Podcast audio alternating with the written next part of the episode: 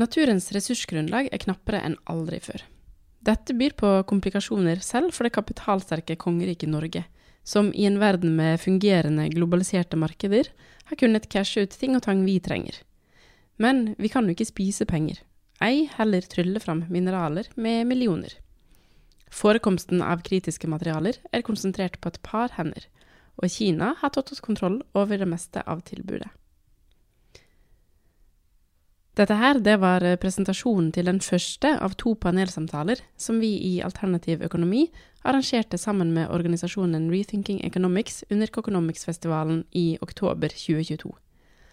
Denne første samtalen diskuterer sirkulær økonomi på makronivå. Den ledes av Anna Nordahl Karlsen, som er leder av Rethinking Economics Norge. Den neste samtalen den får du høre i episode nummer 34. Og i den så snakker vi om og eh, hvordan det er mulig å tjene penger på en sirkulær økonomi. Men nå altså, rett etter jinglen, begynner vi rett på samtalen som har fått tittelen Sirkulær økonomi som geopolitisk våpen.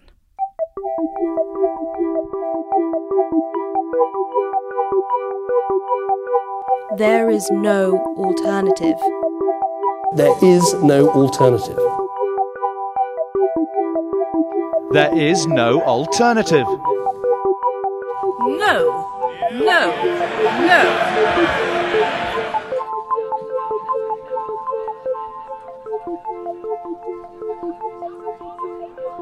Welcome everyone to the third day of the jolliest festival in the Nordics, the Economics Festival, Coconomics, here in Stavanger.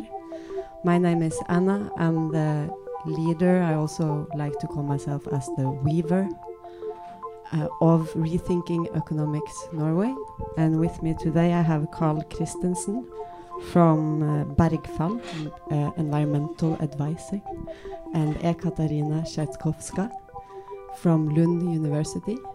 And we will take you to, through the first session of two around the theme circular economics. And this first session will be about the scarcity issue that we experience. So the basis, the base of this session is is nothing new. We live on a planet that is limited, that has boundaries. We live on a planet that we are dependent on. We're dependent on a healthy environment. We have been, always been, and we still are. So we are dependent on relieving rather than depleting nature and to enhance its capability to regenerate. It's easier said than done. It seems maybe it has something to do that we have become consumers and producers more than human being lately. And also, in addition to that, our actions are shaped by how we see the world. And uh, Herman Daly, an ecological economist, has for many years said the world is empty because we see her as full. And we have for many years seen nature, seen the planet as full. But now, as the scarcity issue is laying clearly below our feet, we can ask ourselves will this be a wake up call? Will this be a chance to embrace a new economic thinking and action? Because the case is that we are depleting the scarce resources that we actually need for the green transition, such as copper, lithium, and many critical materials.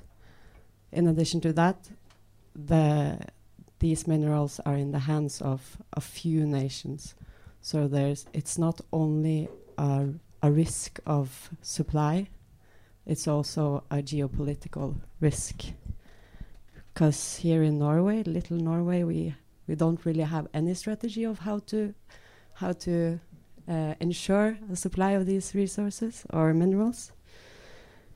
So we are here to discuss what what can we do and how can new economic thinking help us on our way to ensuring a supply of the needed Uh, uh, minerals.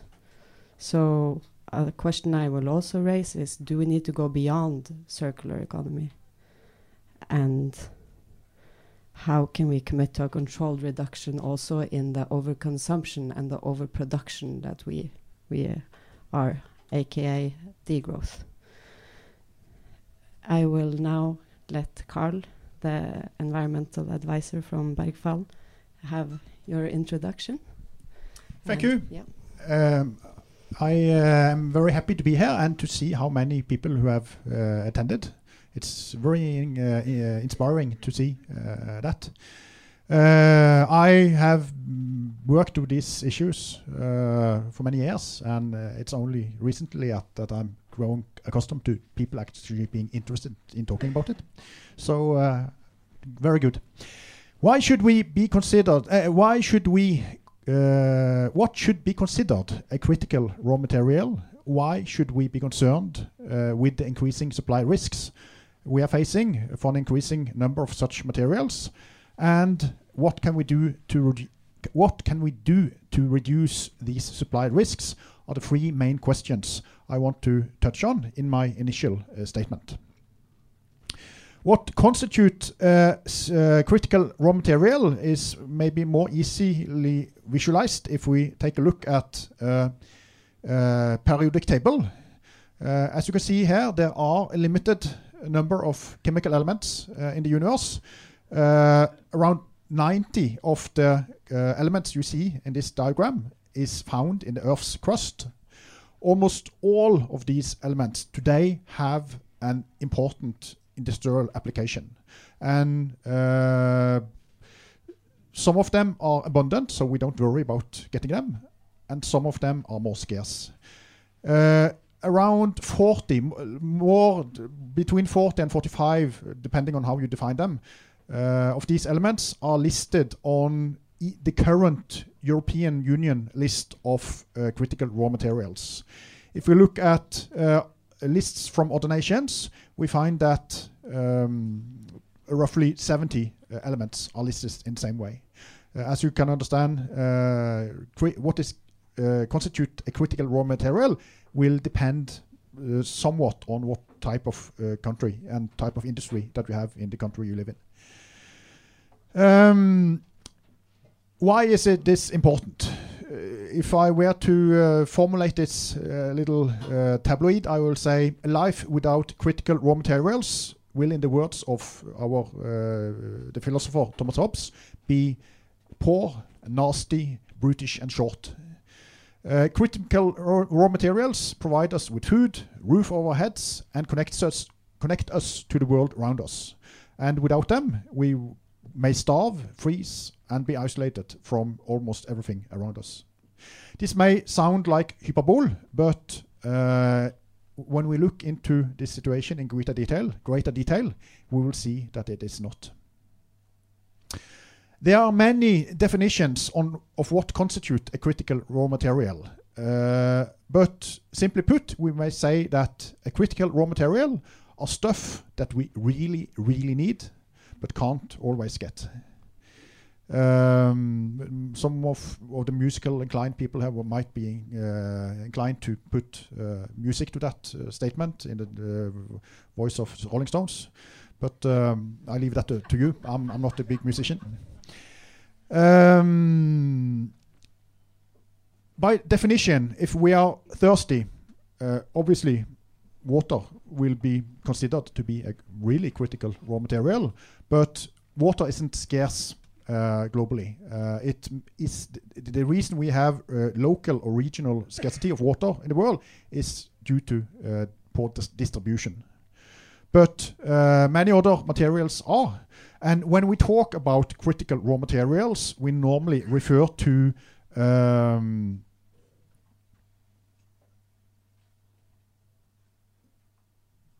uh, uh, chemical uh, elements with very important functions in our society, uh, and that are als- uh, also associated with a varying low availability on the Earth's surface. We have all heard about uh, phosphorus uh, and its importance for plant growth. Uh, that's the reason uh, why we use it in fertilizer and why what we may face now, a global shortage of this uh, important nutrient, may cause worldwide starvation. Many of us, uh, Anna, have already named it, uh, mentioned lithium and cobalt, and she could have mentioned graphite and many others as well that are important inputs and, and feedstock uh, uh, resources into producing uh, batteries for electric cars and energy um, um, uh, magazine um, storage. Um, another very important group of uh, elements are so-called rare earth uh, elements that are used in magnets to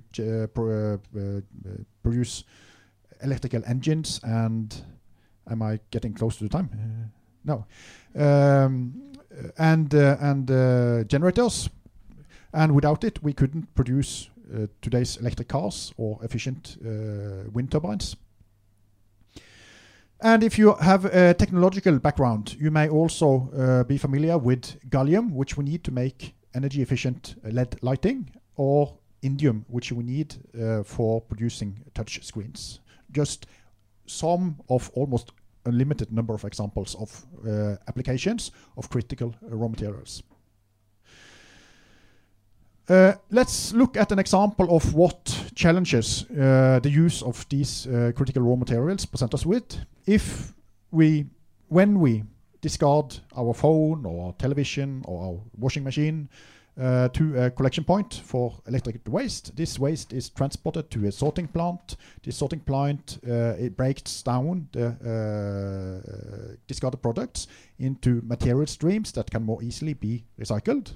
And these materials are then shipped to uh, uh, um, appropriate uh, recycling plants. For instance, Boliden in, Odda that takes electrical circuit boards and extracts gold and copper from it. Now, this so- sounds like a good thing, and, although we are slowly getting better at recycling steel and aluminium and copper and gold and, and these uh, bulk materials, uh, when we look at the most scarce uh, raw materials, uh, they the, the real uh, recycling rate of these materials, like the uh, ra- ra- rare earth elements I already mentioned, indium, um, gallium, or all the other I, I already touched on, the uh, recycle uh, rate is around zero. Whoa, that's nothing. That's not very impressive. So, so, so we it's easy to be get be fooled by uh, the, uh, when we look at overall recycling rates. We look at the main bulk materials, and yes, they are getting recycled at an increasing rate, at least uh, some of them. But but what the, the, the real important uh, materials we talk about now, we have no recycling, and the reason for that is that even if we wanted to, there is no available technology to do this. Mm, But recycling, even though Norway is really, really good at recycling, at least on plastic bottles, it's the least efficient part of the circular economy. So maybe there are some other thinking we need to learn around the circular economy and how we are to solve this issue of of resource and mineral scarcity. And one point we haven't made is that well, I mentioned it a bit earlier, but just to give you the numbers, the the critical minerals that we need are in the hands of China, together with strategic partner partner Russia. So they have a dominant dominant position of graphite and other rare uh, earth elements, and furthermore, at least seventy percent of graphite, cobalt, and other rare elements are in the hands of very very corrupt nations. So there's this political element that makes us. Could I just, yeah, yeah, uh, just uh, add everything Yeah. you say is true, but it is important to know that Norway is actually a pretty important European producer of graphite. Skaland graphite in in uh, northern part of uh, Norway is producing several thousand tons of the material. Ah. So this is an ex- example of where Norway can play a bigger and more important role in uh, balancing this situation. Okay, we see some silver linings then for little Norway.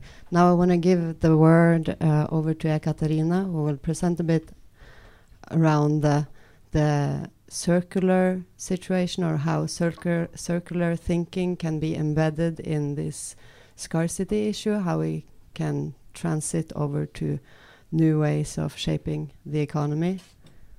Uh, you have a Thank you. uh, you have a yes. Yes. So exactly how and if uh, I would say.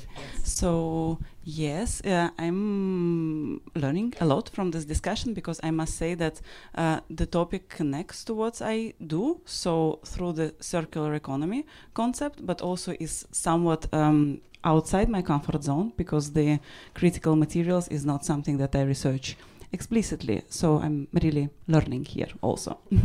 so uh, and uh, in relation to circular economy, so this has become this kind of key uh, concept for thinking about the economy. So it has uh, it goes together with the idea of green growth, and in some ways it has kind of taken over as this um, uh, new thinking uh, at different country organizational levels uh, or also kind of uh, supranational levels. So, for example, the EU uh, calls circular economy a new growth uh, model. So that's the European Commission um, Commission's statement and thinking around this, and that's exactly where I am coming in. Because the idea of circular economy is that okay you make so today's economy is linear uh, and there is a lot of production that uh, happens and then uh, a lot of uh, consumption and as a result uh, waste. And this basically creates a lot of environmental pressures and the problems that we are discussing. So climate change biodiversity loss and, and so on. So but um, uh, then the circular economy the idea is to make uh, designs circular uh, so that there is less waste and less uh, use of energy and materials in the production consumption and disposal stages of the of the economy. So it sounds like a good idea and i think i very much yeah connect that economists need to uh, be uh, more circular. But there is this issue in terms of what exactly circular economy uh, involves. And researchers who um, have been studying like the definitions of circular economy, I think they have said that there are more than a hundred of them. So there is quite a lot of variety of actually what we call circular. And the kind of more mainstream definitions of circular economy, such as those adopted by the European um, Union, so and um, most countries and organizations, so they have the idea of circularity uh, being connected or being the new way into creating more economic growth. Um, and this is where my thinking very much um, uh, is, because basically, from the stance that I come from, the research on degrowth, uh, this doesn't work this way. So, from degrowth stances, the idea is that there can be uh, circular economy, and it is important to design processes in a production, consumption, and waste in a more circular way. Uh, but if we think that circular economy um, is oriented towards growth will result in less environmental pressures, we're very mistaken. So it is uh, important to take forward to kind of understand what um, model of circular economy we're talking uh, about. So, and the idea of degrowth is very much about um, reducing the overall um, biophysical throughput, so the overall um, uh, energy and materials uh, production, consumption, and waste, and reorganizing the economies uh, in line with ecological sustainability and social justice, and putting that at the center of our economies. So often, I mean, we can talk about circular economy, but some of us actually like talking about circular uh, society uh, because actually when we also talk about critical uh, materials, it's not only that they are in the hands of particular powerful uh, and problematic nations, uh, but also the way they are extracted is extremely unjust and problematic, uh, and the way they are exchanged with the um, from countries, let's say, of the uh, global south with countries of the, no- global north is also based on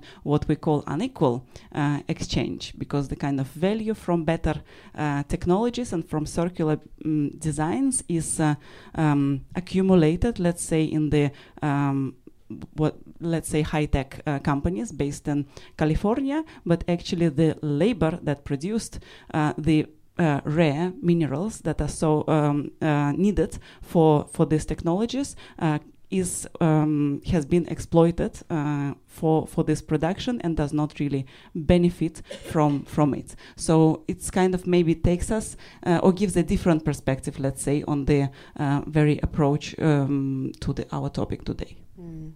I just have to. I hear you're getting eager, and that's great. But I have to remind you to where we were asked to speak a bit a bit uh, calmly. Yes. Uh, yeah. yeah. No. Then okay. So there are many types of circular economy, but and when you research on circular economic solutions on how we can decrease our the market power or the the, the resource dependency of uh, critical materials. Do you use a specific specific definition, and what sort of solutions are you looking into for for Norway? For I, I find the world complicated enough without contribution uh, contributing to uh, unnecessary uh, further uh, complication.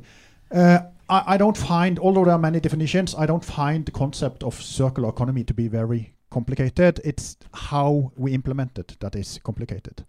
And uh, Ekaterina definitely touches in on very difficult questions, not only technically but also ethically. So, so, so obviously, uh, how we move forward is not a straight. Uh, there's no straight answer to that. What I can say with absolutely certainty is that the technology that we need to minimize the problems we now are talking about and to uh, make um, both more sustainable and uh, reduced supply risk uh, raw material situation needs critical and uh, massive technological innovation.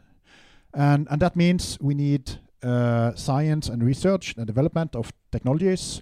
We need uh, to establish value chains uh, where all links in this change is profitable, and the links that aren't on a micro uh, economic level profitable, we need to support to to make this uh, chain chain um, whole.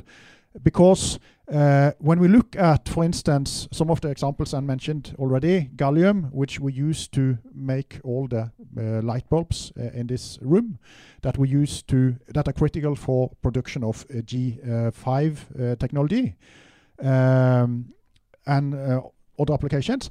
The real consumption in the world is only a few hundred tons.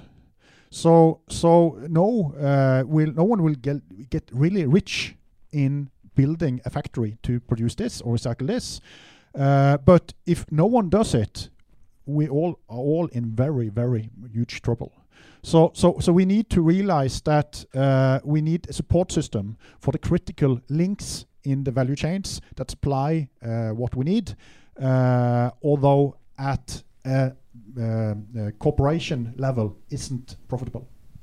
Hmm. So these are innovations on the supply side. You say we will need to to ensure that we will have the products, but th those products are going to be what? Do we need all of these products that that you Uh, that comes out on the other side, or Th- that, that's that's a very important question, but I feel it's a different question. Uh, I mean, uh, when we talk about the supply chain, we're talking about industry producing and supply, uh, supplying us with these raw materials. A completely other dis- uh, discussion is uh, how should we allow these resources to be used? How should we distribute them? How should we uh, um, distribute the burden of generating them? Both when we look at the imprint of the landscape where it takes place and the costs uh, of, uh, uh, of of doing this economically, and also the burden on the people that uh, are involved in the production. So so so I'm, I'm not discarding these questions, but I'm, I'm saying to me that is a separate discussion on Yeah. from how we provide what we uh, need regardless. but you're saying that the possibility to ensure this technology is here. What we need is investment for the right uh, on the right supply ensurement. And do you have a comment to to these suggestions on how to ensure a reduction in our dependency of scarce resources? You you mentioned circular societies. What does that entail? Yes, so I would say that from for the perspective that I come from, the question of need is key, and we talk a lot about the um, satisfaction of needs in the sense that there is um, a lot of production that happens uh, in the planet, which is uh, environmentally and socially destructive, and a lot of consumption uh, too. Um, but uh, basically, it is often, when we speak about consumption, it is often based on this idea of positional consumption. So you have to have more and to keep kind of consuming more in order to compare yourself with uh, uh, others and in order to feel good. But but actually, kind of in the end, you are never satisfied. So, and at the kind of side of consum- uh, production, there is also this idea that always more kind of growth and more production is good in itself, and then somehow that more growth will then trickle down to the rest of the uh, to everyone in the in the world.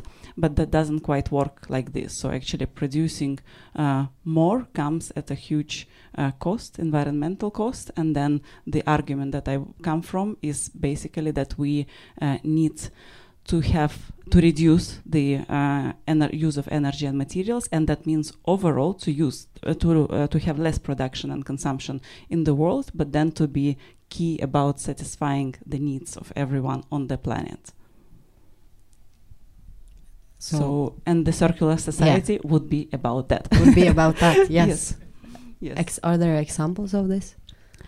Of a circular society?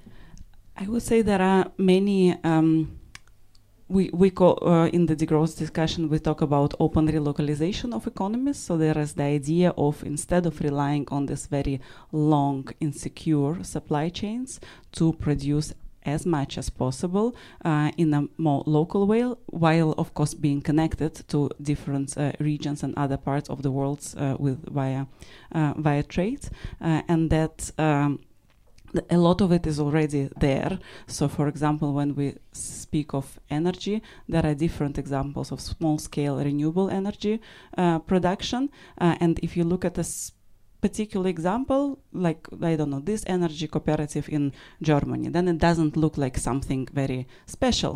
But if you see that, okay, actually there is a whole network of cooperatives, uh, and there are more than a thousand uh, and five hundred of them, and they're united into a network uh, of renewable energy cooperatives, then you can see that okay, these uh, locally embedded organizations, which are then kind of trans-locally connected, are doing something that the kind of mainstream growth-oriented production is not doing. Uh, that is creating energy in a different uh, way then of course even with this kind of production a key issue is that even that alternative energy production can rely on the kind of critical materials that we are uh, discussing here and what to do about that is a big uh, question but basically we can organize um, more locally in connection with the others in a translocal connection and perhaps from the perspective that I come from rely less on this uh, global uh, massive flows of uh, uh trades uh, and uh, supply chains which are becoming more mm. insecure. Mm. Yeah, and according to the latest IPCC report or the one that came out in April, the possibilities of reducing the CO2 emissions lay between 40 and 70 percent if we focus on on the demand side, which I think is a point that hasn't gotten enough attention. It is with high probability that this amount of CO2 reduction can can be ensured. So and that that includes solutions like circular thinking, share more sharing, uh, which would also lead to more caring because we would be connected through the new solutions. It's kind of cool.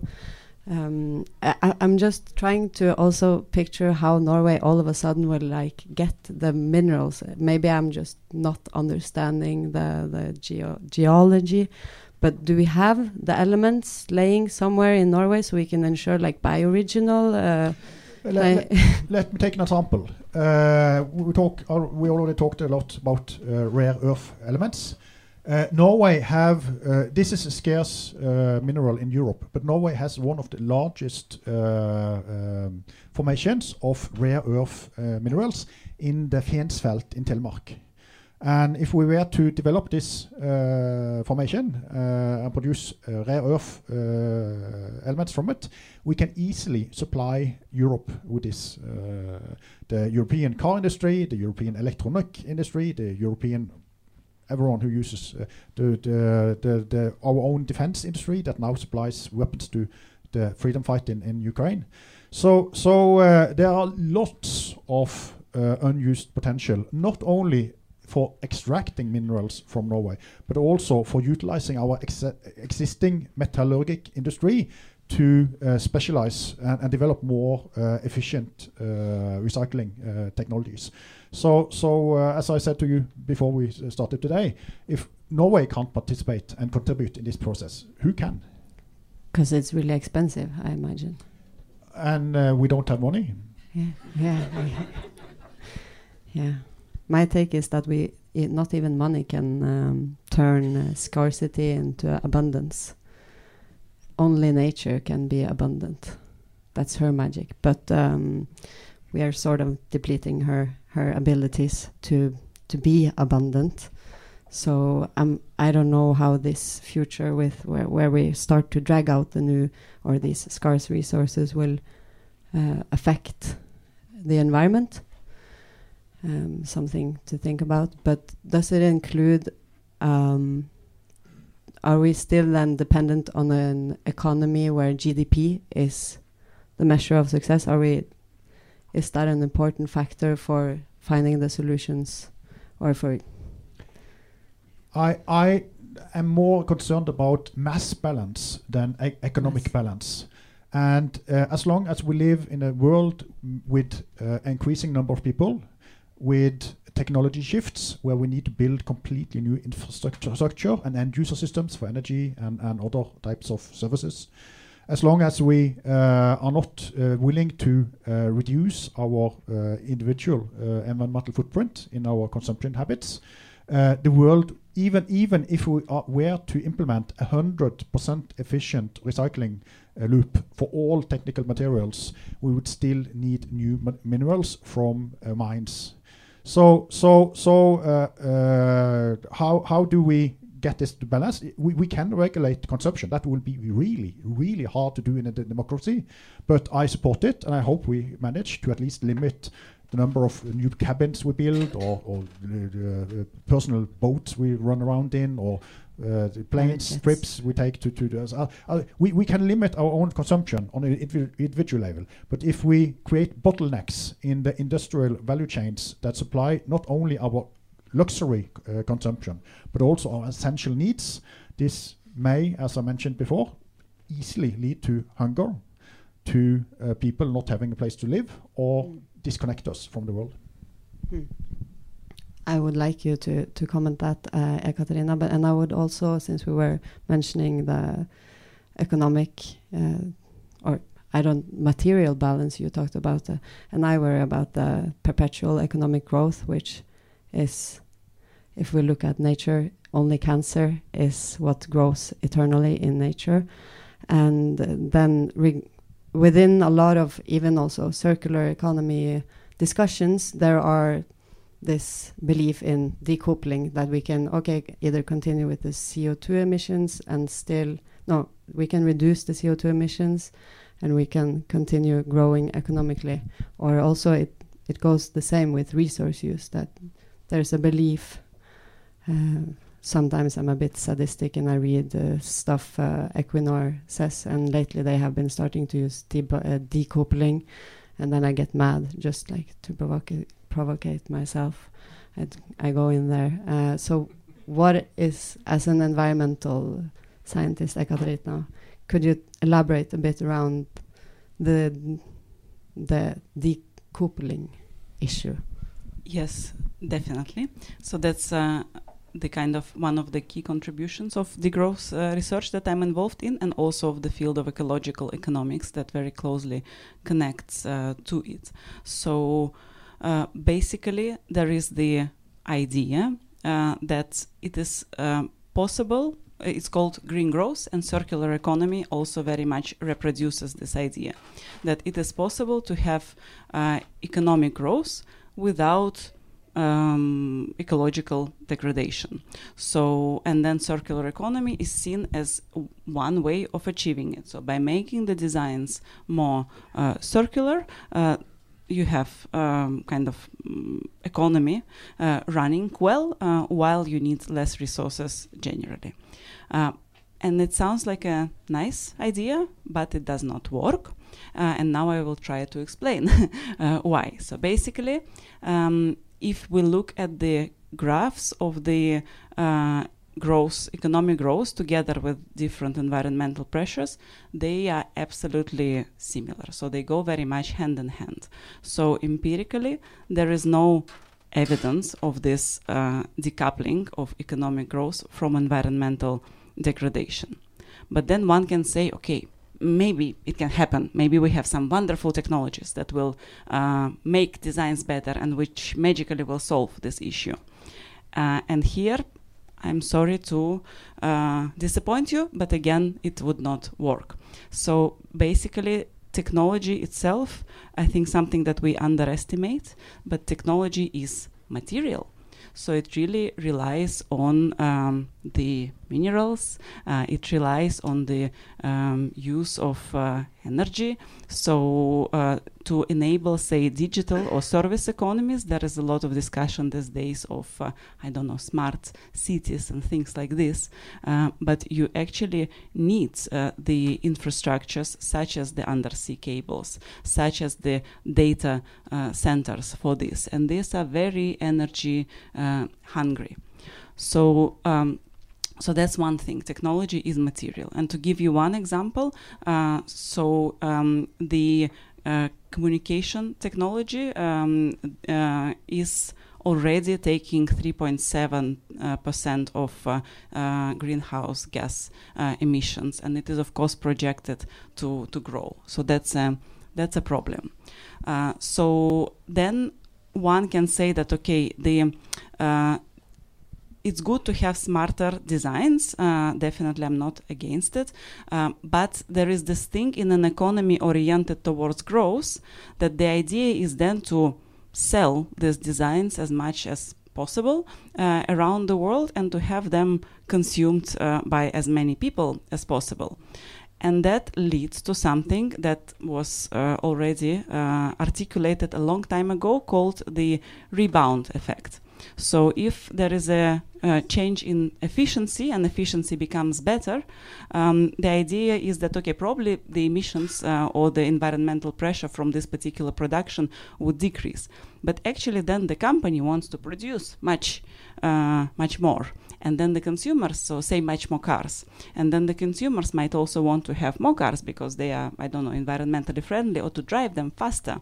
So that's a key example that shows that uh, uh, it is not so. It is not enough to talk about circularity if we do not question like what this circularity is oriented to and if it is oriented towards growth then it will inevitably come with more um, environmental pressures and with circular economy specifically also what is important to mention that it is it is impossible to have 100% kind of recycling. So, even for the materials that seem to be recycled quite well, such as steel, uh, it's not the same level of steel that uh, comes out once you have recycled it. So, and there is the energy that is required for it, uh, and there is the kind of quality uh, of the product that is lost as a result of it. So, and of course, there are also many materials that are uh, very poorly recycled, such as plastics. That is my area of um, uh, of expertise. So where there is a lot of emphasis in the circular economy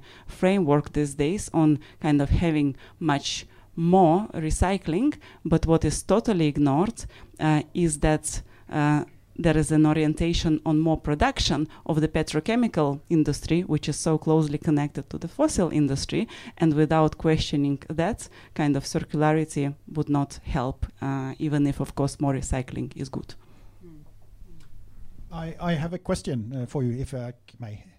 Um, I'm, I'm struggling to see how this uh, would apply in real world politics. If you were given absolute political power and were responsible for implementing uh, your uh, or our uh, circular society, not only circular economy, so circular uh, society. How would you uh, go about? What would would you be your first move, political moves? Okay, very uh, pro- provocative. futures. Yeah. So, uh, first, I would not take uh, single handedly the power. So, I think that power should be with the people. So, in that sense, I think that it's, yeah.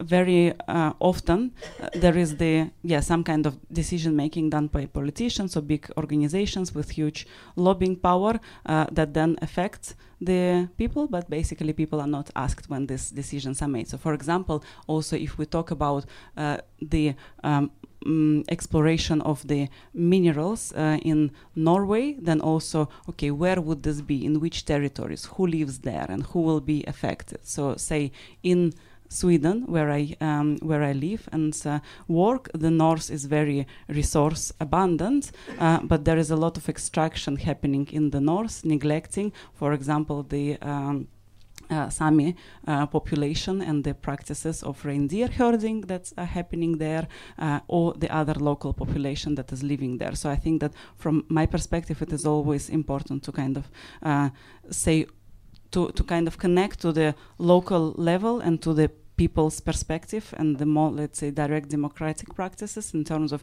what is to uh, to be done. So if uh, and i think if this um, democratic direct democratic practices are given more space then probably people can really start rethinking okay do we need more of all this stuff that we don't really use uh, uh, or, or do we what we what kind of critical materials we really need to satisfy uh, good life for us without destroying someone else's life and habitats. So I think that's kind of the thinking that I'm coming from. I know that I have a little bit gone away from your question. So, but I think I, I will I will delegate this power to the people at the local uh, level to decide what is needed and what is uh, not. Yeah. Like a holocratic solution, like nature itself, and self-organization, maybe a bit. Yes, Yeah, yes, exactly. yeah, And I think that a lot of environmental organizations this day, right, they point uh, it out that we have had a lot of years of climate politics, and basically we're still there. Nothing. It's uh, the emissions have been uh, increasing so fast, and the industrial emissions, so the industry that is supposed to come with technologies, their in, emissions are fastest growing, uh, and then actually, uh, so we need a different then mm, mechanism of making uh, decisions. I, feel the need to uh, respond to that because overall your statement is correct, but we should also keep in mind that there are parts of the society where we have made massive uh, uh, improvements. Industry, transport, no, maybe not transport because we have increased our total amount of transport. But but but when we look at the uh, units of CO2 produced per ton uh, moved or uh, generated uh, product, uh, we can see some really important success stories. It's not only bad, yeah, and that's right. But we're going a bit out of the the subject, so just we're and we're about to round uh, off. So back to what should be the weapon. This is a metaphor for the instrument of how Norway can reduce dependency of scarce resources. We've heard two sides, and I don't think there's one silver bullet in in actually non-issues related to climate or to resources. The the question that has been um, raised earlier is also like how do we move um, shift this paradigm. Like you're you're going to how do we reach uh, another or a future where we are satisfied with using less? I think that is a challenge that many norwegians have to maybe we have to discuss it a bit more. And do we actually get happier of consuming more? I've heard that um, happiness if happiness is defined by what you have you will either keep on getting more and more or you can wish for less and then have the same amount of, of happiness. Uh, will you do you guys have any rounding comment on how our what is norway's instrument and or the instruments I would of love to comment on uh, what happiness is, uh, because uh, because uh, if you think there are many definitions of circular economy, I can promise you there yeah. are s- even more uh, regarding happiness. And I, I, I love the definition uh, happiness is the end of pain. So if you just uh, introduce enough pain, then uh, removing it afterwards will eliminate all, uh, uh, uh, generate much happiness, and no one will think about not uh, owning a cabin or a boat or whatever you need. Do you have any definition on happiness or degrowth uh, definition or? Um, me, not necessarily, but uh, but there are people working on, on happiness in relation to uh, to degrowth. But but there is this kind of I would say that well-being is is a key concept within uh, degrowth research, and this well-being it's actually Finnish colleagues that have used this very uh, nice um, framework where they talk about this being associated with having, doing, loving, and being. And uh, having is very much what our today's economies are about, and what also the uh, circular economy is uh, the mainstream uh, variation of it is uh, um, oriented towards. Uh, but actually, the doing and the being and the loving can be uh, not necessarily connected with economic activity. So then the kind of perhaps my perspective on well-being is to um, um, have less monetized activity and more activity which is devoted to well to being and uh, and to uh, care uh, and then to think very well what really uh, activity we economic activity we need to have and what items we need to have and then what critical minerals we need for this. And when going for that uh, to think both about the sustainability and justice and put those at the center of the picture rather than the idea that growth will by itself solve our problems. Something like this. Thank you.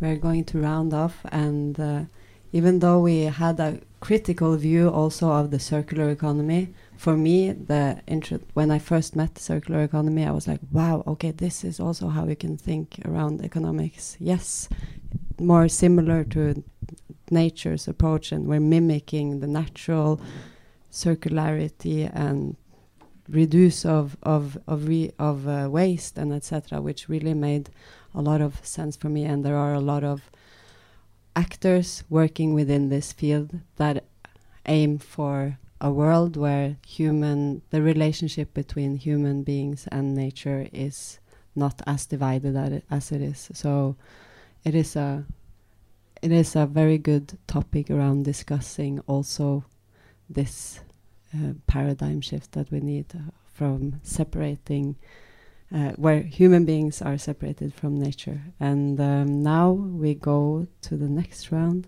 Thank you for listening, guys. Thank to you and to you.